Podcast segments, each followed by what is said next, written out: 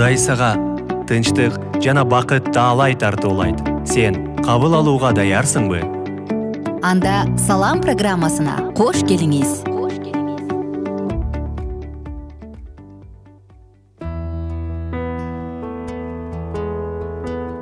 Кадырлуу замандаштар жалпыңыздар менен салам деп аталган подкастыбызды баштадык. Жана бүгүн дагы сиздер менен чогуу ыйык жазуу мындай дейт деп аталган уктуруубузду улантабыз биз менен бирге болуңуздар. Көз ирмемдерден кийин саатыбызды улантабыз.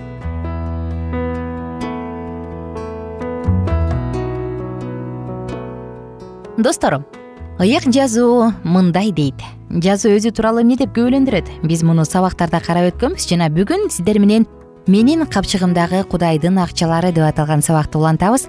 Анан эсте болсо биз акчага карата мамиле акчаны табуу тууралуу бир аз сөз кылып кеткенбиз э баардыгы кудайга таандык. Анткени асмандагынын дагы жердегинин дагы баардыгынын чыныгы кожоюну баардык ресурстардын алтын таштардын булут эмне алмаз эмне гана таш болбосун баардыгынын чыныгы кожоюну кудай деп айтканбыз.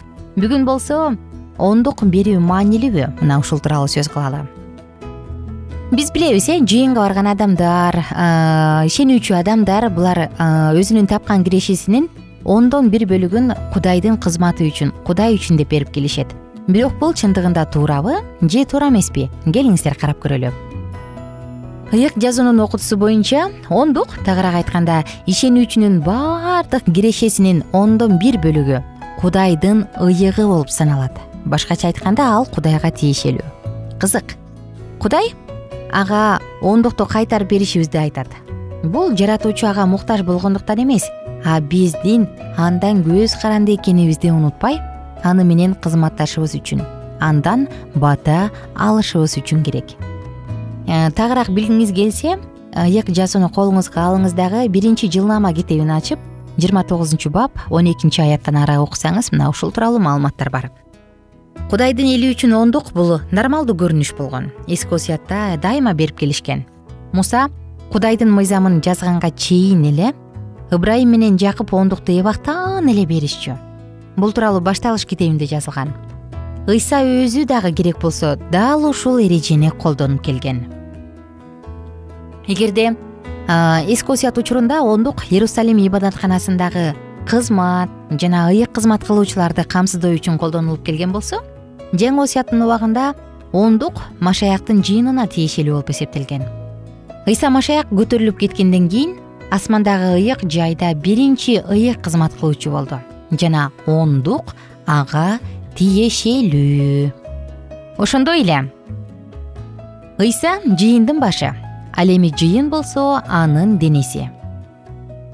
Ошондуктан машаякчылар ондукту теңирге жыйынга алып келиши керек экинчи корунтуктар биринчи корунтуктар тогузунчу он алтынчы баптарды карасаңыз мына ушул тууралуу сонун маалыматтарды окуйсуз инжил китебинен.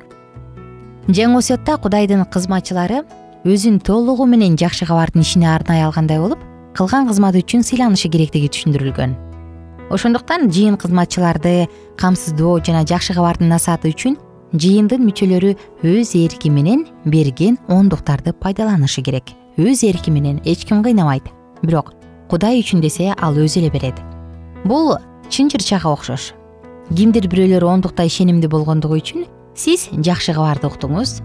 Эми башкалар дагы ошол эле батага ээ болуш үчүн сиз жардам берип жатасыз. Кызык э абдан сонун. Ондук эле береби же курмандык же садака деп келебиз э курмандык дагы бериш керекпи? Келиңиздер карап көрөлү. Библияда ыйык жазууда ондуктан тышкары башка курмандыктарды дагы өз эркиң менен алып келүүгө чакырат.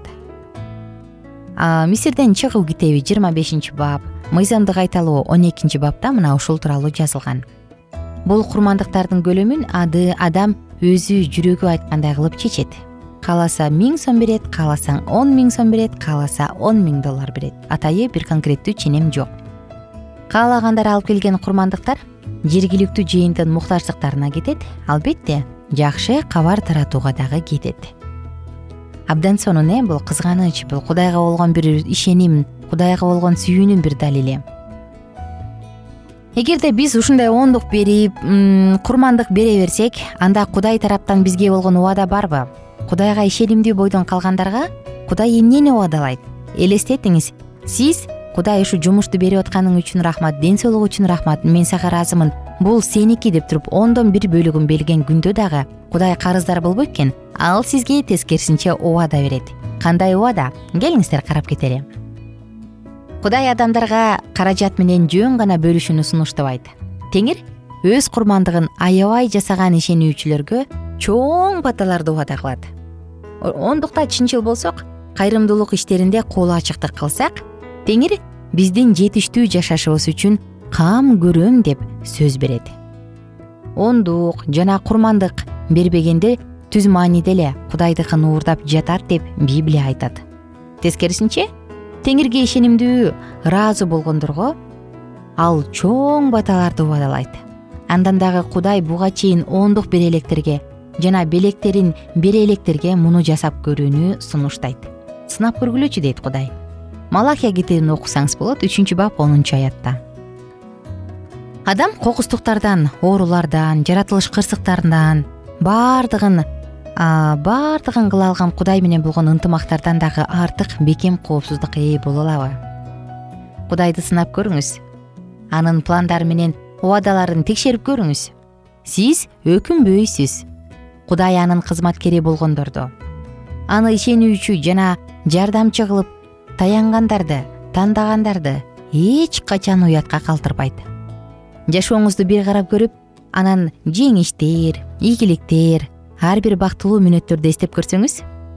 Текшериңиз анан ынаныңыз. Жашооңуздагы баардык жакшы нерсе кудайдан. Ошол нерселер үчүн ага ыраазычылык билдириңиз. Мен дагы ушундай кудайга ишенимдүү болгум келет кудайдын убадасын алгым келет десеңиз анда эмне кылыш керек? Кыскача кеңеш айта кетели ага чейин достор эгерде сиздерде кандайдыр бир суроолор жаралган болсо ушул биздин уктуруубузду угуп жатып whatsapp номурубузга жөн гана жазып коюңуз. Плюс бир үч жүз бир жети жүз алтымыш алтымыш жетимиш сандарына плюс бир үч жүз бир жети жүз алтымыш алтымыш жетимиш сандарына сиз эми эмне кыла аласыз?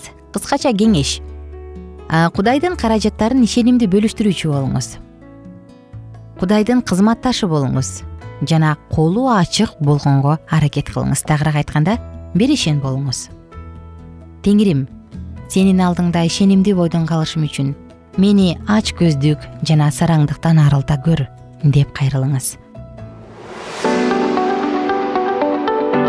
Сизди кызыктырган баардык суроолорду whatsapp номерине жазыңыз.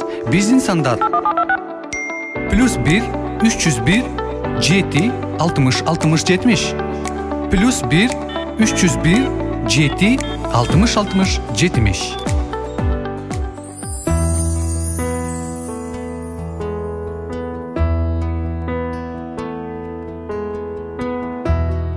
Достор биз бүгүнкү подкасттын дагы соңку мүнөттөрүндөбүз сиздин капчыгыңыздагы акча кимдики ушул подкастты уккандан кийин өзүңүз үчүн жыйынтык чыгардыңыз болуш керек. Сиз ээлеп отурган кызмат орду кимдики кимдин жардамы менен келди. Сиз иштеп жаткан жумуш кимдин аркасында берилди. Мунун баардыгын ойлонуп көрүүңүз дагы мүмкүн. Кудай рахмат сен мен үчүн кам көрүп атканың үчүн мага берген ден соолугуң үчүн мага берип аткан батаң үчүн рахмат деп айтарсыз биздин сабактар менен кененирээк ал китап чекит медиа сайтынан таанышыңыз.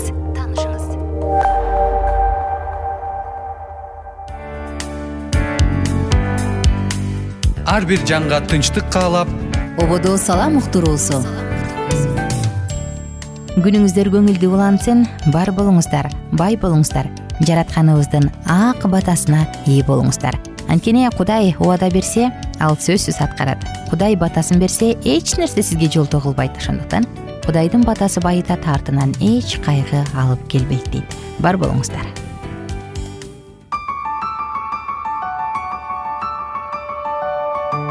Бир гана кудай чыныгы тынчтык берет. Ободо салам уктуруусу